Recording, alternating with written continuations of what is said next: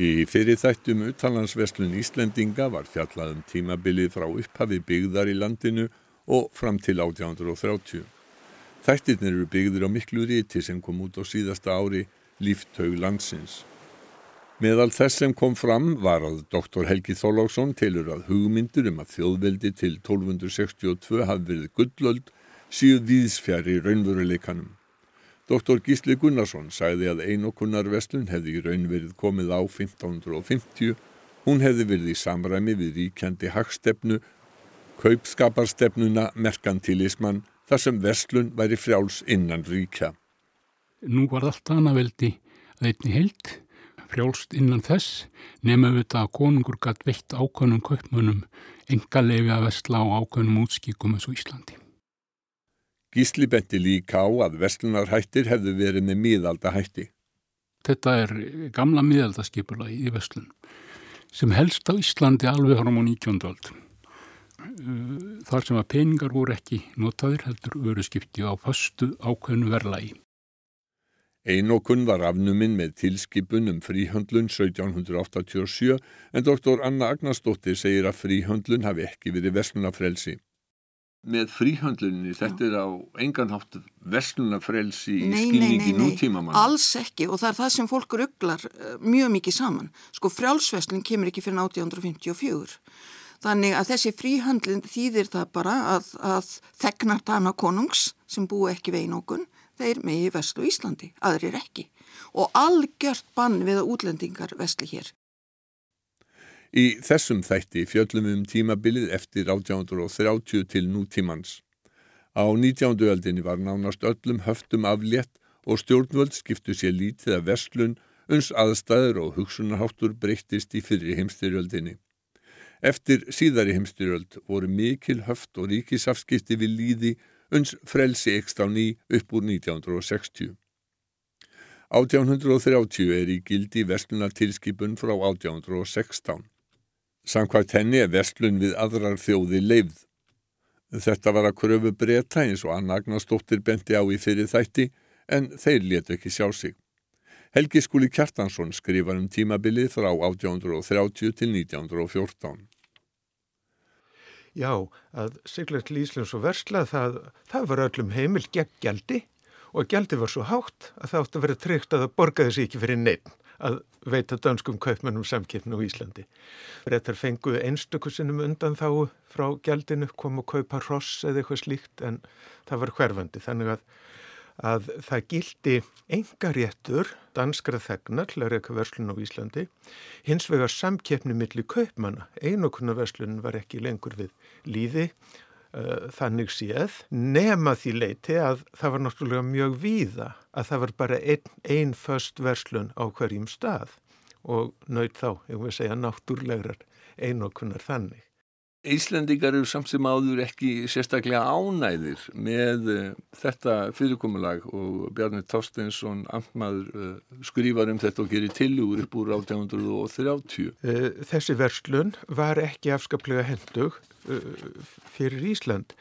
Þetta er þjónusta, kaupmennir veit að þjónustu sem er dýr, það þarf mikla álagningur, þetta er ekkit, ekkit okkur engin uppgrip, margar þessar verslandir voru reknar með, með halla, það voru ekkit auðvelt að græða á þessu, en þetta er starfsemi sem er dýr, er ekki hagkvæm, það verða að flytja vörur á litlum seglskipum, það tekur langan tíma, það er mikil fjárbinding í þessu, og svo er lítil samkeppni.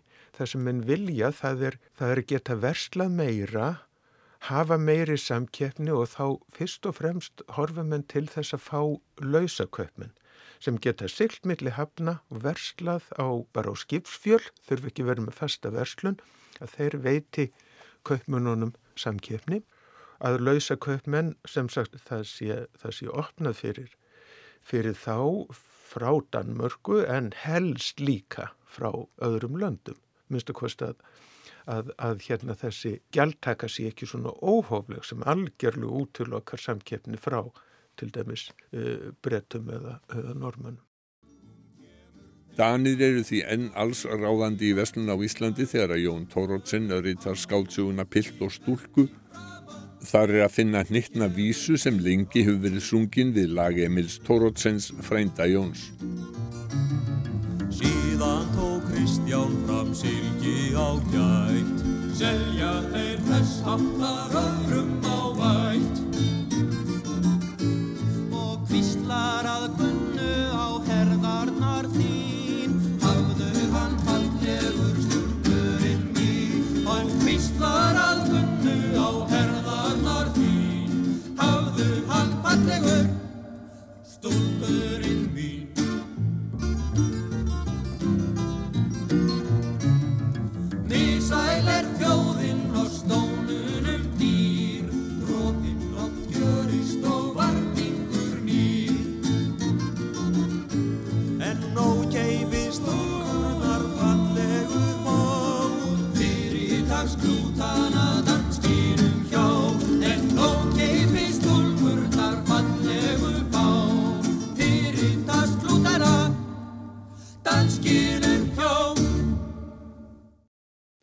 Þessi vísa Jóns Tórótsens sem saman að tríóið flutti er frá 1850, þá er að verða miklar breytingar.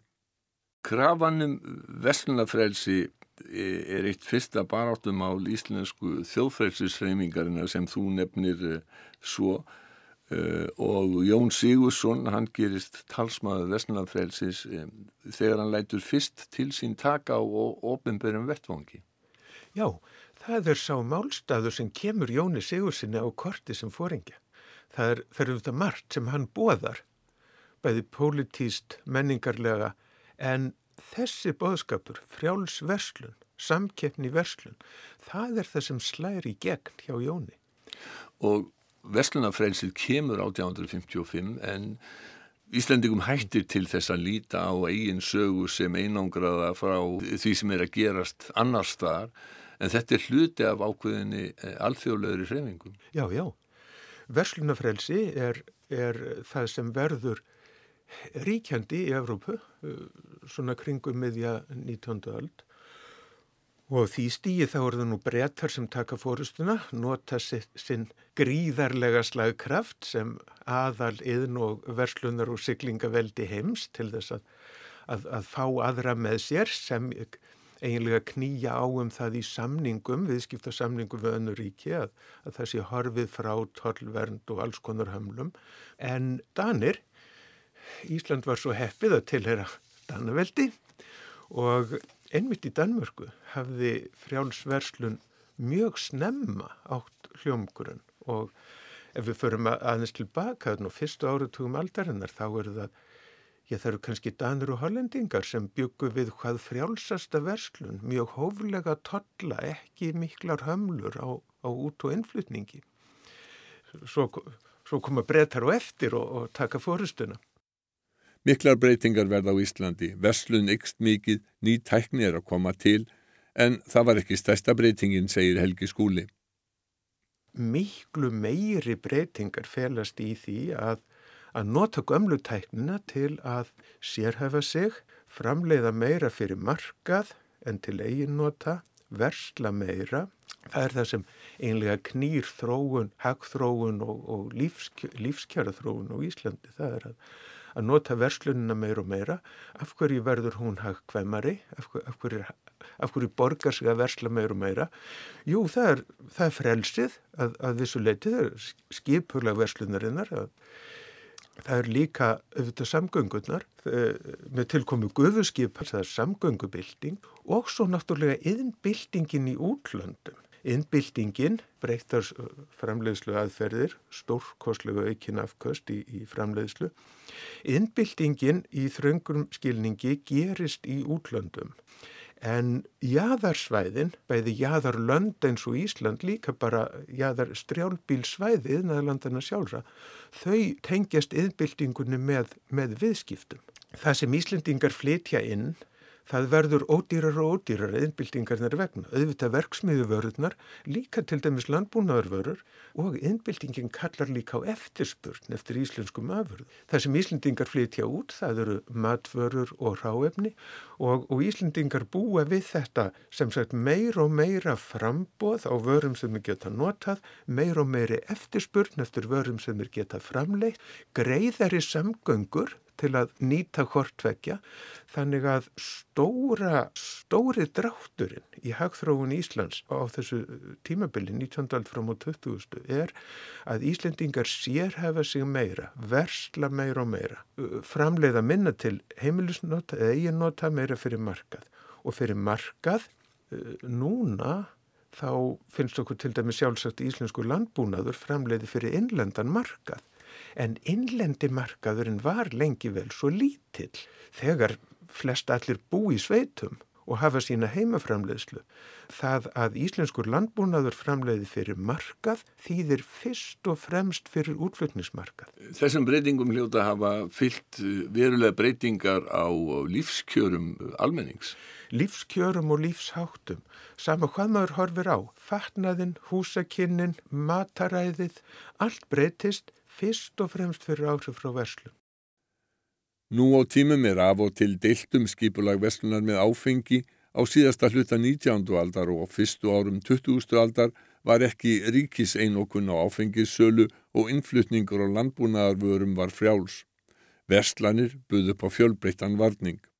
Margar tegundur á osti, þar á meðal ekta svisneskur ostur og ædamerostur, alls konar nýðusóði kjötmeti, fiskmeti og kálmeti ávextir buff með laug, nautatungur, lambatungur, grísatær, kjötbólur, forlóren, skilpatte, uksakarbonadi, leverpostæ, lax, rekt síldiólju, sardínur, ansjósur, fiskibútingur og fiskibólur.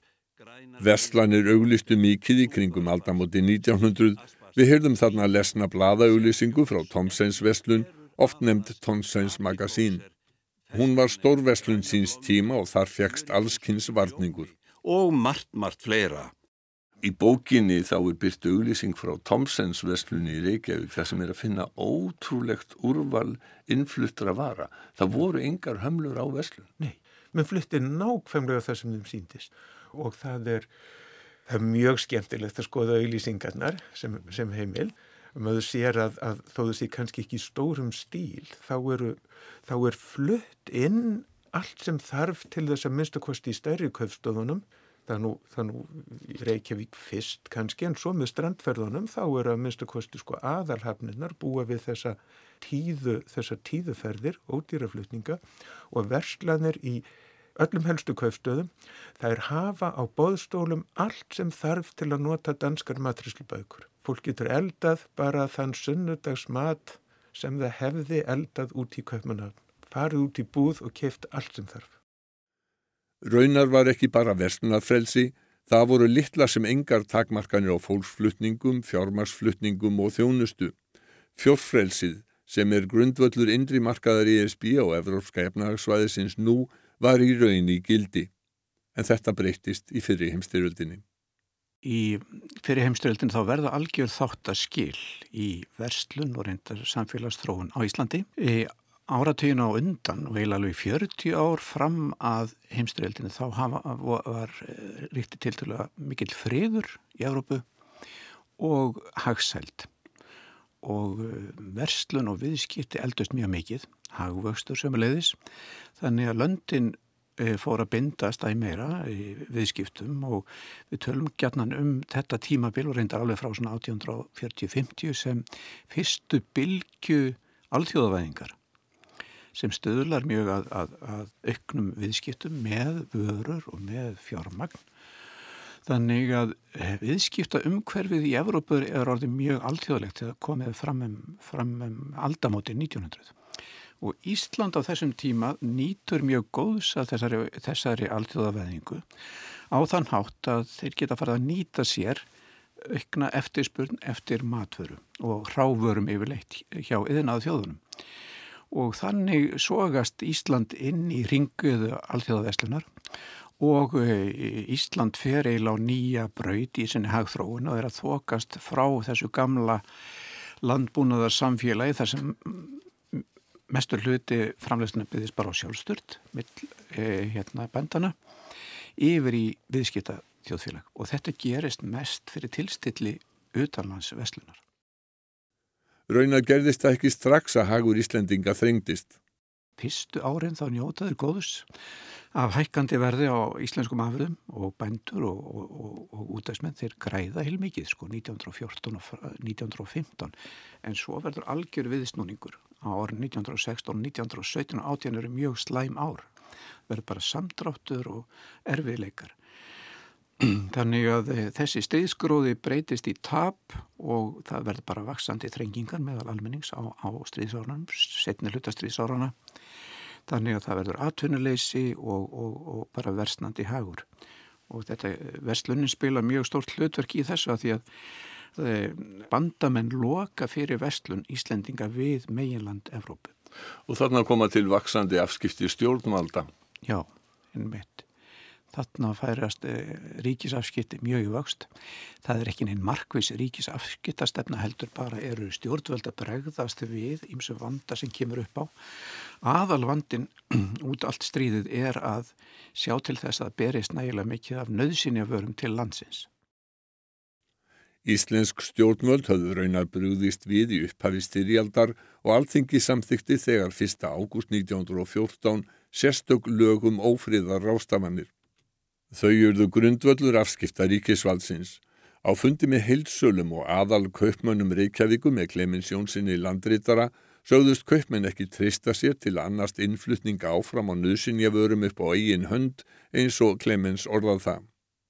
Og þetta leiðir eiginlega stjórnvöld út í það að taka að sér hluta af innflutningsveslunni og þetta fyrirtæki sem að var kallað landsveslun það fer að verða æg umsöðu meira þegar líður á stríðið og, og það er komið svo 1918 að um það byrju þriðjungur allir inn, innflutningsveslunin er í höndum þessara landsveslunar.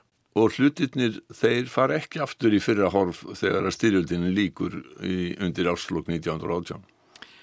Ekki nema að hluta til sko það hérna e, veslunni gefum frjáls svona smám saman og, og veslunni fyrir þá beinast aftur til Evrópu en það er, ástandi verður ekki alveg eins og fyrir 1914 og það er svo margt sem hjálpast að því að gömul viðskiptarsamband hafa rofnað og sérstaklega samband við Danmörku því að vestlun hefur skroppið mjög mikið saman og þessi gamla vestlun hún bara tekur sér ekki upp aftur ekki á, ekki á sama hátt. Þeir hafðu haft um 40% af utækisveslunni en eftir stríð þá, jú, hérna sækjaður aftur í sig veðrið varðandi innflutningsveslunna En það er útflutningsveslunin sem að Danirn er eiginlega missur handum sínum í stríðinu og rétt eftir stríð. Þannig að hún færist mikið til í hendur bara íslenskra fyrirtækja sem fara að vesla beint til Suðurlanda, til stóru markaðslandana við miðurahafið, Spánar og Portugals og Ítalíu og fleiri landa.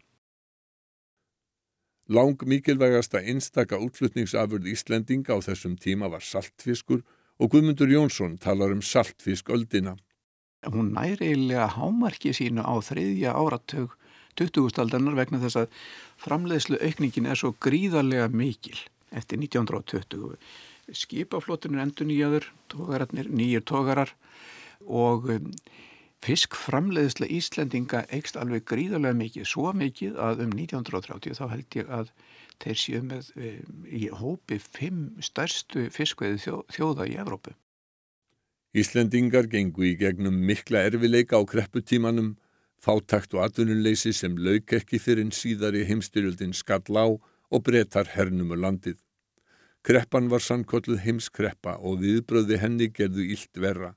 Þrengt var að verslun og ímiskonar höft gerðu kreppuna dýpri og lengri. Guðmundur Jónsson segir að innflutningskvotar og bann við innflutningi á ákveðnum vörum hafði verið upphaf langs haftatíma á Íslandi. Mér langar að nefna í sambandi við þetta haftakerfi að við tengjum það kjarnar við kreppuna miklu og þessa, þessa, þessa hvað ég var að segja, etnaðarslegu þjóðurnistefnu sem kemur til skjálana þar.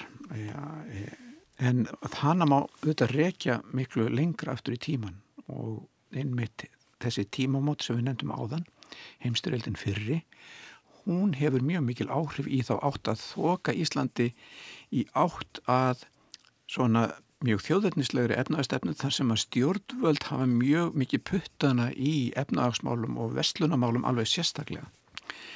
Og uh, það er ekki bara heimsturjöldin fyrir heldur líka fullveldið 1918 sem að það er Íslendinga til að hugsa öðruvísi um efnaðagsmál og vestlunamál en þeir höfðu gert fyrir 1914 því að nú var þeim mikið mun að, að uh, styrkja Ísland efnaðagslega og að tryggja að Ísland réði yfir auðlendum sínum.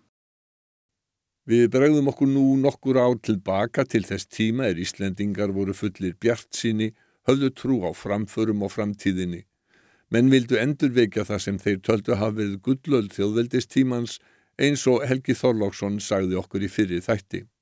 Íslendika fundu sína gullöld og það voru að hæg heimatökja það sem voru Íslendikasögur sem virtust benda mjög eindreiði til þess að Íslendikar hefðu skarað fram úr ímsjóleiti. Þeir áttu sín skip og, og sildum höfin og, og benguð upp á hjá konungum og var fagnað við það. Íslendikar hugstuðu þá sem svo að, að sjálfstæðið hefði byggst á þessu að eiga skip og eh, afleðingi var svo til dæmis að, að þegar Íslandika voru svo að eiga það að þeir myndu endurheimta sjálfstæði að þá fannst þeim nöðsilegt að tryggja sjálfstæði með því að eiga sjálfur skip og þá er Eimskipafélag Íslands stopnað, Óskapart þjóðarinnar. Óskapart þjóðarinnar var Eimskipafélagið nefnt og það verða þáttaskil í sögu Vestlunar þegar að félagi var stopnað í janúar 1914 með þáttöku þúsunda Íslendinga, ekki bara á Íslandi, heldur og í Vesturheimi. Hilmar Snorarsson, skólastjóri Slísavarnaskóla sjómanna, er manna fróðastur um sapfélagsins. Við hittum Hilmar í sapninu sem nú er til húsa og skrifstofum félagsins í Sundahöfni í Reykjavík. Með stofnum einskipafélagsins að þá erum við að fá fluttningana heim. Það voru þetta búin að vera hérna fluttningaskip sem að stöldraðu nú kannski svona ekkert lengi við. Já, kaupskip hérna alveg frá því 1870 sem að fyrst er svona farað að sjá að það eru skráð á Íslandi. Hérna er þetta komið í, í alveg nýtt umhverfi, hérna er, eru byggð tvö skip sem sagt Gullfoss og, og Góðafoss eh, til þess að annars siglingar til og frá Íslandi með vörur.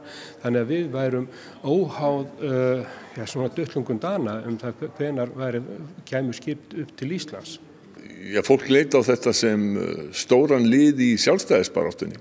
Já, það var náttúrulega engi spurning um það því að það var út að sapna hlutafið um all land og allir áttu eigna hlut í félaginu. Segum þér af þessu skipi Guldfossi? Sem sagt Guldfoss, hann var 70 metra langur og hann mældist þá vera 1400 uh, brútt og rúmlest á þeim mælikverða.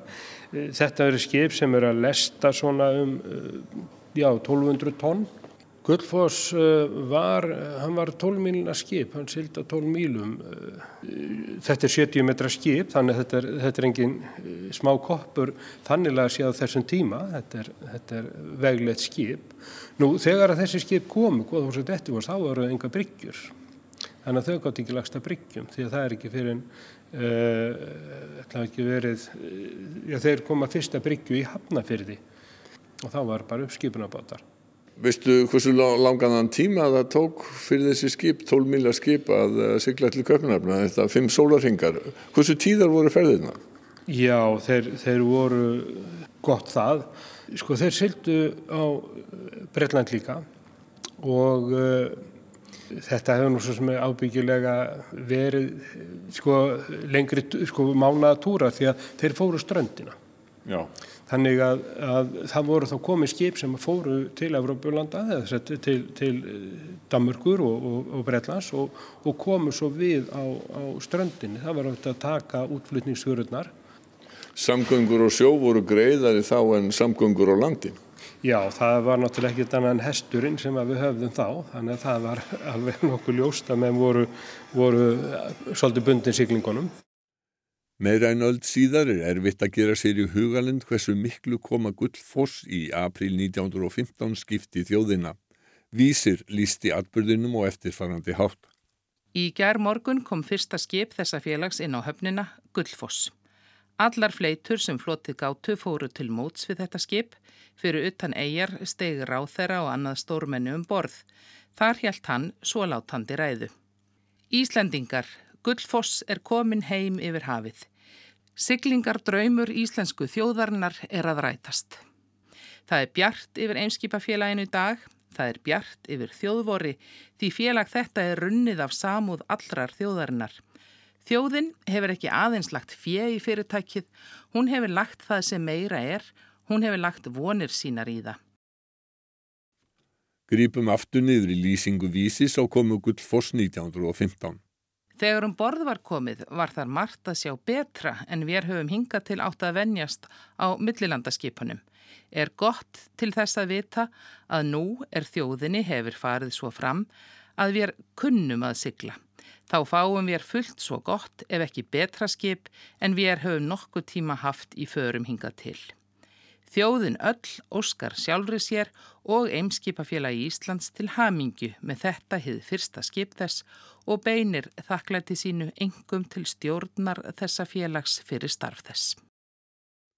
Meira en öll síðar stöndum við Hilmar Snorarsson í safni Eimskipafélagsins og horfum á líkan af þessu skipi sem Íslendingar tóku á móti með svo miklum fögnuði.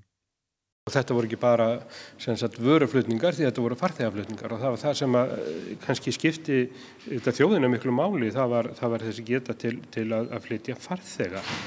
Manstu hversu margir farþegar uh, komust með hverju ferð? Og það hefði væntanlega verið að skipti í farrimi? Já, það var skipti í farrimi og hann tók 74 farþega, Guldfoss og það voru 33 í áhöfn þannig að það er, það er aldrei margir. Svona 70 metra skip í dag er ekkit óalgengt að sé svona 7-8 kallar og ég vil minna. Og auðvitað má segja það, það er, það er eitt og annað sem að kallað á meiri mannskap í þessu skipum, það eru í þessu guðuvélar, kólakynntar og það, það eru þetta mikil mannskapur í vélinni. Eh, svona skipi var handstýrt, engin, engin búnaður, eh, sjálfstýri búnaður og, og allur búnaður í skipun náttúrulega eh, vindur og annað. Þetta er allt gufugnúið og maður á hvert í dag bara eitt krani sem næri yfir allt skipið og þarna er eins og þessu skipi það er þrjár lestar og það er verið að hamast í að losa og lesta á samtímis þó svo að það gekk nú heldur hægar í gamla daga því að í dag þekkjum við flutningana sem gáma En uh, það er auðvitað það sem var á þessu skipum, það tók langan tíma að losa og lesta því það var allt handraðið ofan í skipin, allt hýft í netum og síðar komu reynda bretti og, og gámatni komu ennþá síðar. Vistu hvort þetta voru góð sjóskip? Sko, nú verð ég nú að viðkjanna það, ég eh, hitti aldrei nokkurt sem hafi verið á þessum skipum en uh, bara við að horfa á skrokklægin þá þú segir að þetta veri skip sem hafi farið mjög vel með fólk, farið vel í sjó það eru mjög vel skrokki eh, skrokklægið er mjög gott á þeim en uh, aldrei heyrði ég neitt um það að það væri neitt verið að kvarta undan þessu skipum. Þannig að þessi fyrstu skip Íslendinga þau eru sannkallað stolt þjóðarinnar? Algjörlega hefur það verið og það verður þetta mikið áfall fyrir þjóðina þegar að, að Goðafoss fest uh, alveg nýr uh, 1916 það er, það er mikið áfall. Og ekki bara hefur þetta haft áhrif á þjóðastoltið en það hefur öruglega verið hrygt mjög í stóðum uh, samfélagsins að horfa eftir, eftir svona skipi Það er eitt sem að vekur aðtikli þegar við skoðum, ég alltaf margt sem vekur aðtikli þegar við skoðum þetta líkan en eitt vekur aðtikli á líkanu og það eru að það eru tveir stígar sem að vilðast líkja niður að sjáarborði. Það bendir til þess að eh, það hafi ekki alltaf legið við bryggju. Já, það eru landgangarnir sem að, eh, eða, eh, til þess að komast nýri báta Þetta var auðvitað svo aðferð sem að eh, varða nýta þegar ekki voru bryggjur og það þurfti að ferja fólk bæði, eh, já fólk og, og áhöfn eh, til og frá skipi með letabátum og svo náttúrulega sjálfsögðu allan farmin. Hafandi það í huga þessi skip voru að komin á allar hafnir landsins að það voru hafleysu þar eins og, eins og hér á, á, á höfuborgsæðinu. En víkjum aftur að megin þræði sögunar um íslenska utanríkisverslun. Aftur rofna öll tengslu Danmörku þegar þjóðverjar hernama Danmörku í april 1940. Mánuði setna hernama brettar Ísland. Landið er enn á ný algjörlega háð brettum í inn- og útflutningi. Það mest fyrir raugun í bæ þessum ber að bærin er fullur af útlendum her. Þeir spossjar og státa um stræti og torg og stúrkurnar dubla við tá inn á borg. Og spyrji ég stúrku hví sé hún svo sæl, þá svarar hún manni um hæl. Það er draumur að vera með dáta og dansa fram á nótt og finna hver ljúft er láta. Þá líður stundin fljótt og lífið það verður svo létt. Þegar leiðumst við dálítið þétt Það er draumur að vera með dáta og dansa fram á nótt Bretar grýpa enn á ný til sömu úrræða og í átökunum við frakka í Napoleonstyrjöldunum og í fyrir heimstyrjöld þeir setja á happan. Guðmundur Jónsson segir breytingarnar meiri og djúptækari enn í fyrir heimstyrjöld.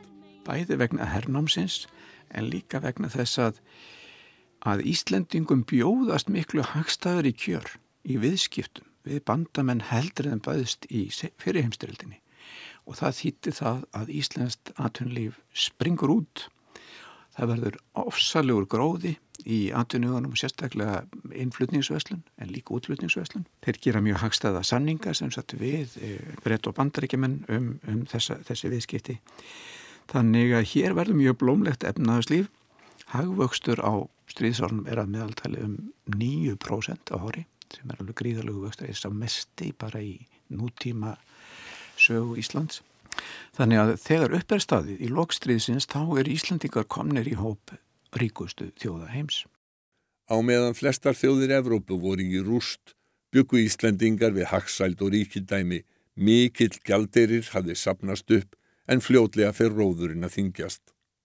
Vissulega var stríð lessun að mörgu leiti að því leiti að, að sem sagt það verður gríðalegur hafvöxtur og margt blómgast á Íslandi og margir græða stórgóðslega en svo eru þessi timburmenn sem koma í kjölfarið sem að Íslandingar eru að glíma við mjög lengi og eiginlega losn ekki við fyrir en um á eftir 1960. Undir áslokk 1946 horfa Íslandingar fram á að gjalderisforðin sé að hverfa og augljóst að aðgerða sé þörf. Svo það er gripið til ráðstafana sett á lakirnar nefnd, hagfræðingarnemndin svo kallaða og hún leggur til alveg gríðarlega harðar aðgerður í efnarsmálum sem maður segja sé svona stefnumarkandi plagg fyrir haftakerfið á næstu 15 árum og síðan tekur við ríkistjórn e, Stefán Sjónas Stefánssonar 1947 sem að framkvæmir þessi miklu höft. Þá er gældirinn eiginlega búinn og ofan á þessi gældarisvandraði bæti svo að bara að viðskipta umhverfið þegar vestnað eftir stríð. Bæti það að viðskiptakjör ístendinga hafa vestnað, útflutningsvörurnar hafa lækkaði verði, meðan innflutningsverðið hefur haldist í stað og jafnvel hækkað. Sjötti áratugurinn er áratugur hafta og skömmtunar, raðir mynduðust fyrir utan vestlanir ef von var á eftir sóttari vöru. Þetta ástand var bræðurunum Jónasi og Jóni Múla Árnarssonum yrkisefni í gamanleiknum Delirium Búbúnis. Úti er alltaf að snjóa, því komið er að jólunum og kólna veri í bólunum. En sussum og sussum og róa, ekki gráta elska mín, þó þig vandi vítamin. Ávexti eigum við nóa, handa litlu krökkunum sem kúra sig í brökkunum. Þú færði magan þinn mjóa, melónur og vínber fín Ávextir, melónur og vínber voru luxusvarningur á þessum haftatímum. Og haftakerfi það helst fram til 1960 en hvað er það sem verður til þess að hafkerfið er opnað þá? Það eru eflust margar ástæðu til þess en ein augljós ástæð er svo að það er orðið svo dýrt, það er orðið svo slegandi fyrir bæði efnahag ríkisjóðs eða fyrir efnahag ríkisins og atvinnulífið að menn sjá að þetta gengur ekki lengur. Þeir eru farin að fjármagna kerfið með lánum að, að æstæri hluta. Slíkt gengur náttúrulega ekki til lengdar. Svo að það verður ákveðin hugarfarsbreyting undir lok áratögarins og það hjálpa líka til að allstaðar í vestur Evrópu eru löndin að færa sig úr þessu haftakerfi sem að var mjög almennt um og eftir stríðið yfir í frjálsari búskap. Og uh, það kom að hingað sendinemdir og, og ráðamenn frá öðrum Evropaþjóðum, frá OECD og öðrum, öðrum stofnunum til þess að reyna að hafa áhrif á efnagastefnu Íslandinga og sem sagt það eru ímiskonar öll sem að íta á þessa stefnubreitingu og hún er mjög mikil þegar hún loksins kemur til skellana. Og það er með viðrisna stjórninni upp úr 1960 og það leikur Gilvið Þótt Gíslason stórt hlutverk. Já, Gilvið Þótt Gíslason varði viðskiptar á þeirra þegar í vinstri stjórninni 56-58 þannig að hann var orðin nokkuð reyndur þegar viðrisna stjórnin er sett á lakinnar í lok árs 1959 og hann smíðar áallun með hjálp manna, engum Jónasar Haralds og Jóhannesar Nordal og fleiri manna um að gjör bylta hagstjórn á Íslandi. Gilvið Þótt Gíslason sem var viðskiptar á þeirra til 1971 er viðreistna stjórnin fór frá völdum lísti í viðtali við Guðmund Jónsson professor, viðmælænda okkar, að hann hefði talið að engin önnur leið en sjokkterapía hefði verið fær þegar stefnunni var breytt svo mikið. Það hefði orðið að gera eitthvað skindilega, strax og rótækt. En, en ég og þeir, skoðan, skoðanabræðin mínu sem, að, sem þá voru kallað nútíma jafnaða menn, þó að það sé orðinu núna og, og, og núna en þá, þá ný, nýtískulegri. Við sóttum sjá það að hagvörstur yfir ekki tryggður nema með hjálp raunhefra samkeppni. Samsýðan því sem að eh, einokn væri haldið í skefjum. Þetta voru eiginlega þessum sem smá saman voru að riðja sér brauð. Jónas Haralds var mikill áhrifamadur í að móta stefnuna sem viðreistnastjórnin fyldi. Hann sagði að mönnum hefði verið ljóst að Ísland væri að dragast aftur úr öðrum löndum, hagvöxtur væri í lámarki og svona er þið ekki haldið áfram. Þetta, þetta var sem svona vaksandi sannfæring manna um það að það væri ekki hægt að halda svona áfram. Eh, við, við gætum ekki, við fengjum bara ekki, gerðum ekki út við að fyrir þess að standa undir þessum, undir þessum hallar. Eh, Hagvöxturinn væri eh, í lámarki. Við verðum að fjarlægjast meira og meira það sem verður að gerast náttúrulega í umheiminum, menn verður sér meira og meira meðvitandi um það eftir því sem fleiri og fleiri lönd bætast í hóp þeirra sem í grundvallaratriðum eru að endur skipulækja sín efnahagsmál. Jónas segir að tilgangur aðgerðana hafi verið að jafna starfsskilirði í útflutningsgreinum og líka þeim atvinnugreinum sem störfuðu fyrir innanlandsmarkað. Það þýðingar mesta var náttúrulega að fá gengið rétt og, og leggja af uh, þetta útlutningsbóta kerfi, setja allan útlutninga á sama vekk uh, og raunverulega inngreinar líka. Tekið skal fram að viðtölum í Gilva og Jónas voru ekki hugsu til fluttnings heldur sem efni viður í sögu viðskiptaráðunni til sinns. Upptökunar eru varðvettar í sapni miðstöðvar munlegra sögu í landsbókasapni. Jónas segir að höfuðatrið hafi verið að jafna starfskilirðin í útflutningsgreinunum. Þetta er, er náttúrulega höfuðatriði að, að, hérna, að jafna sem sagt starfskilirðin mm. Í útflutningsgreinunum umfram allt er náttúrulega líka, líka uh, þessum greinum starfandi fyrir innlendan, innlendan markað. Uh, uh, opna sem sagt fyrir innflutningin, losna við sem sagt sköptunarkerfið. Þó er það gert varlega sko það er, það er minnir að það hafi verið 60% sem var á frílista 60% af umfjöldum Guðmundur Jónsson segir að viðreistnastjórnin hafi strax látið hendur standa fram úr ermum eftir að hún tók við. Innflutningsfrelsi hafi svo aukist ár frá ári á valdatíma stjórnarinnar. Það er farið mjög fjöldþættar aðgerðir að, sagt, á fyrst, fyrsta hálfa ári ríkistjórnarinnar snemma ás 1960. Grundvallabreitingin er svo að það er hérna íslenska krónan er feld gríðarlega mikið og þetta e, uppbóta kerfi er lagt niður. Það er að segja það er hægt að vera með þessar útflutningsuppbætur sem eru fjármagnaði með gríðarlega háum tollum á innflutning. Þetta var svona millifærslu kerfi frá útflutningi til innflutnings. Í staðin kemur bara almenn aðgerð, lækka gengið og reyna að stöðla sem frálsöstum viðskiptum.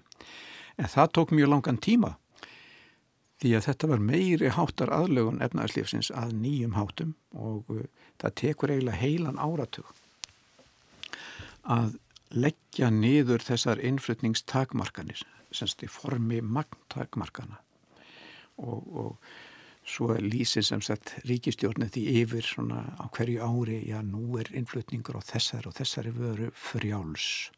Það eru alls konar vörur, þetta byggingavörur og uh, trávara og, og líka um, e, matvara í miskonar, eppli og appelsínur verða allt í nú frjáls, frjálsflutningar á þeim.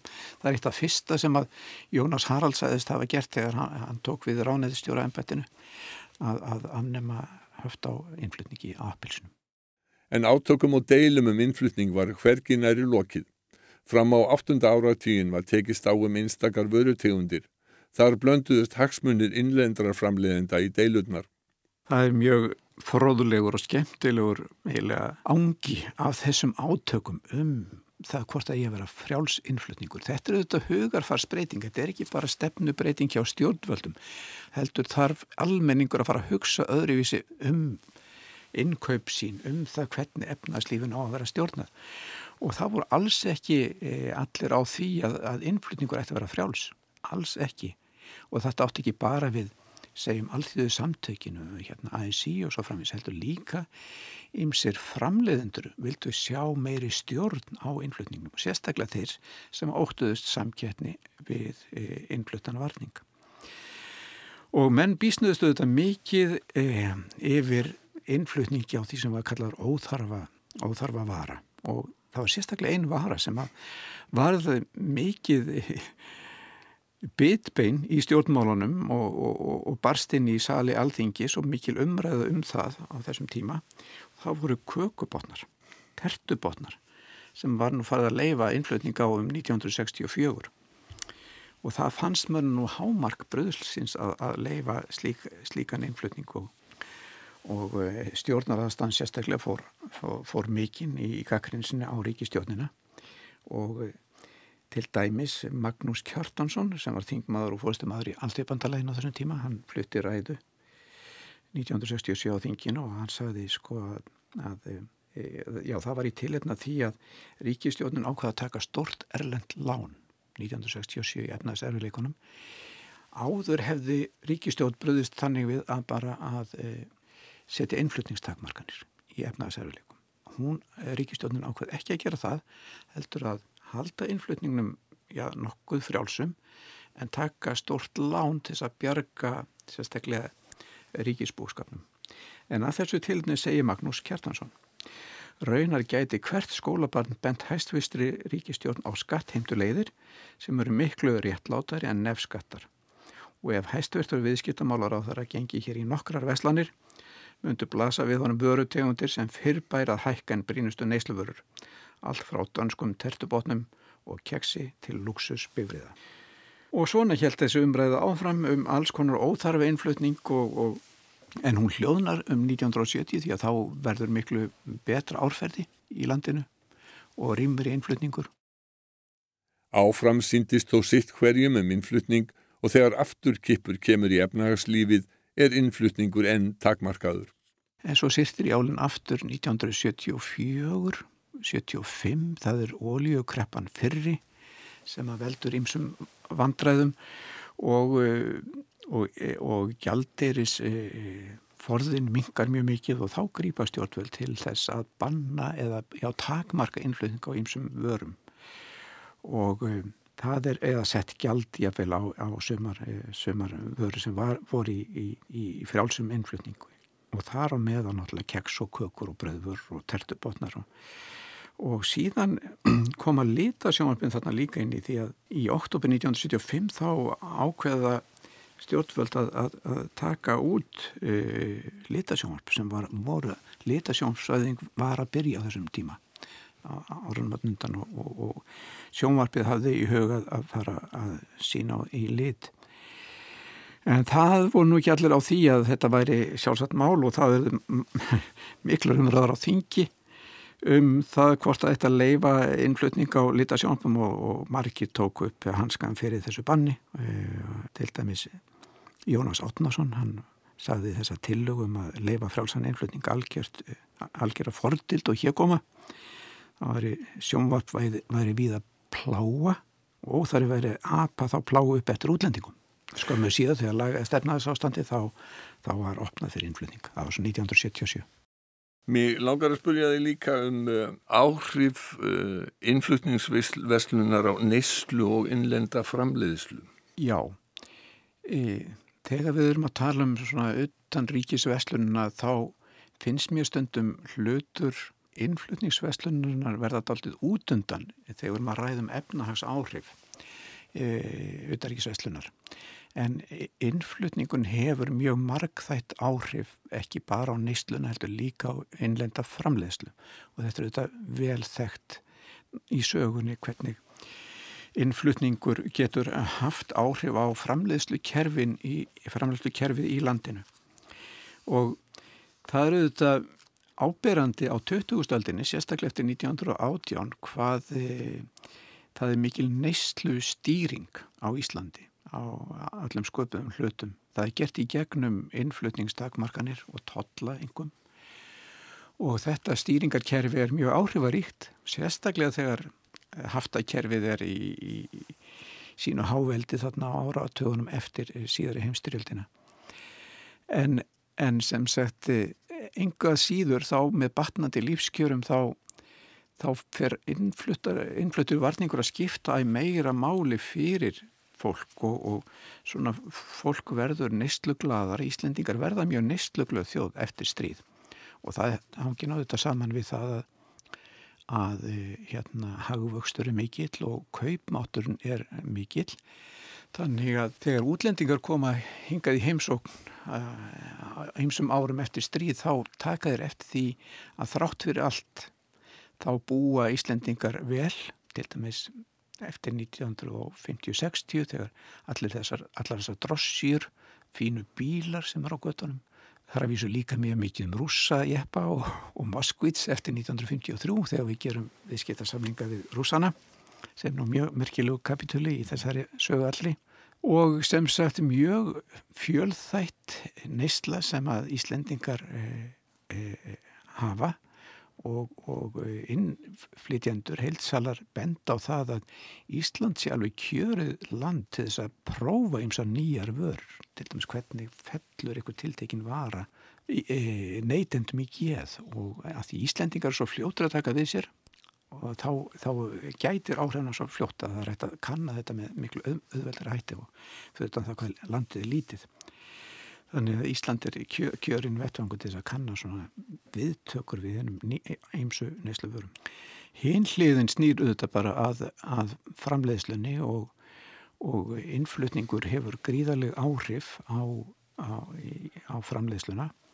Eins og við tölum um áðan þá er íslenskur búskapur mjög fráls fram til 1914 en svo verður algjör umsnúningur eftir 1930 og þetta kemur mjög niður á um, Eh, niður á neytendum. Því að nú er verið að hampa sem sagt íslenskari framleiðslu og það eru settir vendartólar um eh, innlenda framleiðslu bæði landbúnaðarvörur og yðnaðarvörur þannig að, eh, að neytendur þurfa að gjalda þess nokkuð að þarna er, er innlend framleiðsla varinn gagvart þessum neikvæðu áhrifum innflutningsins. Og þetta er alveg klassíst þema í gegnum okkar sög á 20. aldinni. Það hefur skipst á tímabil frjáslindis og hafta og eftir 1994 þá hefum við verið í tiltölulega frjálslindu um hverfi. Lengsta var útflutningur Íslendinga heldur fábrotin, landbúnaðar eða sjávarútvegsafurðir. Þetta gerbreytist á síðasta hluta 20. aldar þegar þungaðinnar var verðmætt útflutningsgrein og á síðustu árum hefur afrakstur hátækni og hugverka bæst við. Á allra síðustu árum hefur ferðarþjónustan verið svo atvinnugrein sem skapar mestar gældaristekjur. Innflutningur er þó ekki eins frjáls og hann var fyrir 1914. En það er eitt, eitt svið sem er eiginlega tekið út úr eftir 1994 og það er landbúnaður, innflutningur á landbúnaðurum og um það hefur staðið styrr allar götur síðan og enn í dag erum við að takast á um hversu uh, viðtækur innflutningun á að vera. Að segja hann náttúrulega miklu, miklu takmarkaðri heldur en nokkuð tíman var þarna á, á tímum frálslindis fyrir 1914 þegar mótti flytja inn kjött og mjölk og ímsar matvörur. Og í Vestlun fengust osta frá Fraklandi og Ítalju. Já, já, já, já, já. Skipulag innflutnings- og útflutningsveslunar, um, þú segir þessi stóru uppstokku 1930, aftur 1990, 1990, þá er það tilkoma uh, bónus, uh, hagkaup þar uh, skam og undan. Mm. Hver eru þessar stóru breytingar sem að þú sérð í áhrifum á veslunina? Já, þetta gerist náttúrulega með því að eftir 1980 þá sækir á, ég var að segja, ný frjálsíkja sem að bóðar markaðsfrelsi og það er mjög mikil ströymur í þá átt eftir 1980 að losa þessar viðjar sem að e, utan ríkisveslinn var í. Þannig að markaðsfrelsið verður meira, það eru afnumdar ímsar hömlur sem voru bæð á útflutningsveslunni og innflutningsveslunni. Í, í útflutningsveslunni var mikil fákjefni í raun og veru. Það voru eiginlega bara fjóri, fimm aðilar, til dæmis í útflutningi, inn í fjóru stóru. Það er að segja síf, sölumistöð hraðfræðstúsanna íslenska sjáaraförðir sem að tóku við af sjáaraföra deilt sambandsins og síldarútöfsnefnd. Þetta voru henni stóru aðlar í útlýningsveslunni og hefðu verið alla götur frá því á fjórðaratögnum. Svo bættu streindar við þarna sölu stóknin lagmetis á áttundaratögnum. Þannig að útlýningsveslunum var gríðarlega samþjöpuð og það ríkti eiginlega ekki samkjefni. Þetta voru stórsölu samtök sem réðu nokkur neginn yfir sínu, sínu vöru svæði. Þetta er brotið upp smám saman með aðgerðum stjótuvalda sem að vilja eh, hérna, eh, opna veslurna. Þetta gerist fyrst með því að það er veitt leifi fyrir einstökum fyrirtækjum að selja, selja freðfisk á bandaríkjamarkaði og svo er veitt leifi til að selja fisk á spánarmarkað framhjá sem sagt síf og svo framvist þannig að um upp úr 1990 þá er, eru þessi stóru svölu bara brotin reynlu upp og mannum frjálst að, að e, flytja út. Þannig að það verður algjör umsnúningur í útlunningsveslunni og að samaskapi verður líka gjörbilding í innflutningsveslunni að því leiti að áður fyrir hafðu fyrirtækin verið, verið, verið mörg og smá en e, svo gerist það á nýjund og tíund áratögnum að að stóru smásölu fyrirtækin eblast mjög mikið og þetta er alltjóðlega þróun. Við þekkjum hérna Walmart í Bandaríkjónum og Tesco í Breitlandi og Aldi í Þískalandi og við höfum hliðstæðuna hér á Íslandi með samröna hagkaupa og, og bónus sem að ná mjög sterkri e, stöðu á e, markaði. Það eru reyndar önnur fyrirtæki sem er að keppa við þau, en kaupás til dæmis sem kemur úr fyrirtækjum samvinnu reyfingarinnar eða á rætur sína reykja þangað og þetta e, markaðsvald sem að smásölu fyrirtækin fara ná er notað til þess að þrýsta á heilsala, til þess að ná betri verði en líka til þess að fara bara sjálfur að flytja inn vörur beint. Það leifði sem sagt, það var leifti samkvæmt EES að flytja bindin vöru jafnvel þó að fyrirtæki hefðu enga leifi og til dægnum vörum þá var aðrum innflytjandum heimilt að flytja inn. Svo að þessi stóru smásölu fyrirtæki þau fara að flytja inn vörur og grafa undan þessum vestlunum mörgu og, og frekar veikburða mörgum. Þannig að innf skipulega innflutningsveslunar ger breytist og, og, og mörg þessara fyrirtækja bregðast þannig við að reyna að stjappa saman, mynda stærri reyningar og hérna Samurinn er gríðarlega mikill eh, þarna í, í innflutningsvæslunni á þessum árum, áratónum fyrir og eftir aldamotinn 2000 og uh, nú setjum við uppi með miklu, miklu sterkari fyrirtæki en um leið er þá kannski fákjefninu innflytningsvesluninni meiri heldur en hafi verið hér á áratugum áður.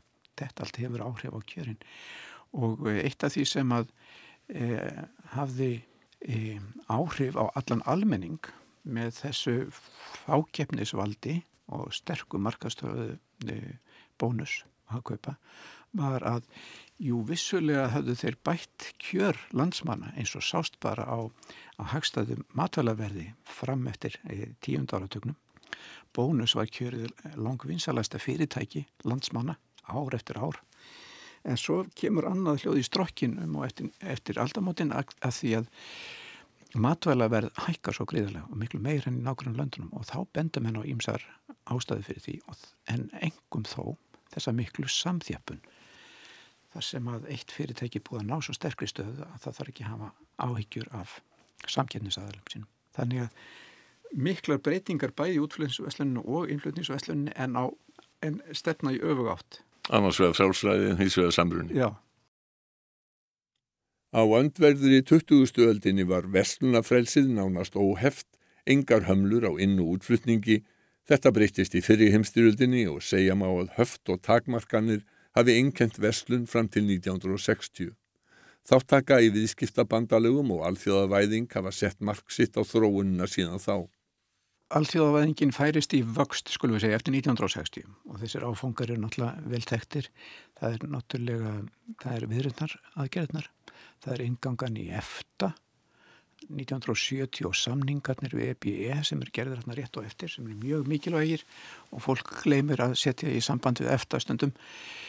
Og svo náttúrulega stærsta málið er ingangan eða aðildin að Evróska efnaðsvæðinu sem tekur gildi í byrjun árs 1994 það er eh, risa stökk Íslendinga inn í samþættara efnaðslíf og, og, og þar tekur Ísland upp eh, samræmdar reglur á þessu efnaðsvæði og það markar þetta gjör breytingu fyrir, fyrir Íslandst efnaðslíf og ekki síst viðskiptalíf og verslun.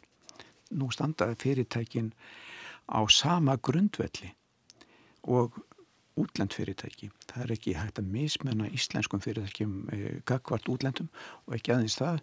Nú er ekki hægt að mismenna íslenskum fyrirtækjum gagvart íslenskum fyrirtækjum eins og stundum var gert þegar hygglað var ákveðnum fyrirtækjum með alls konar eh, pólitískri fyrirgræslu fyrir á árum.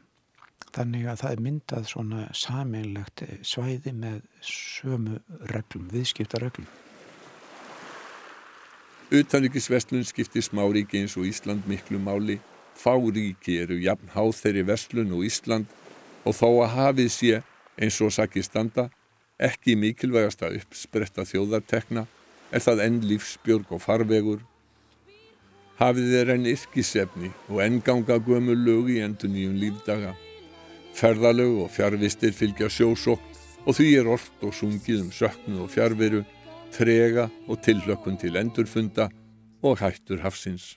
Sértu velkomin heim, sértu velkomin heim, að vestan er sylkjarnu mín. Sértu velkomin heim,